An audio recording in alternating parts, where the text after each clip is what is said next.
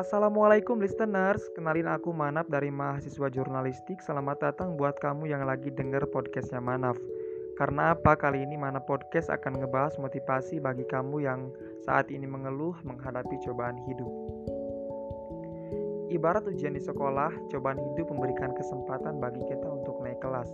Ya tentunya dengan bekal pantang menyerah dan juga kerja keras. Kadang kamu baru bisa menghargai hidup saat cobaan datang bahwa sebenarnya kamu sudah cukup atau bahkan berlebih.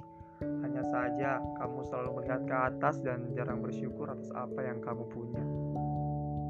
Meski rasanya berat, kamu harus mampu bertahan. Sebab percaya atau tidak, cobaan itu mampu mendewasakan pikiran.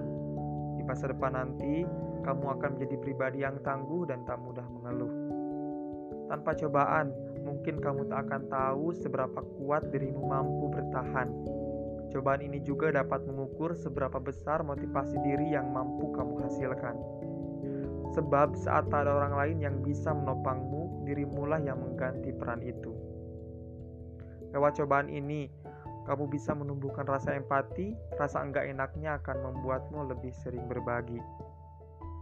Kadang, dengan diuji kamu baru bisa mengingat Tuhanmu kembali Bersyukurlah kamu telah diberi kesempatan untuk menikmati cobaan ini, sebab kamu telah kembali pada jalur yang dulu pernah kamu tinggalkan demi kesenangan duniawi.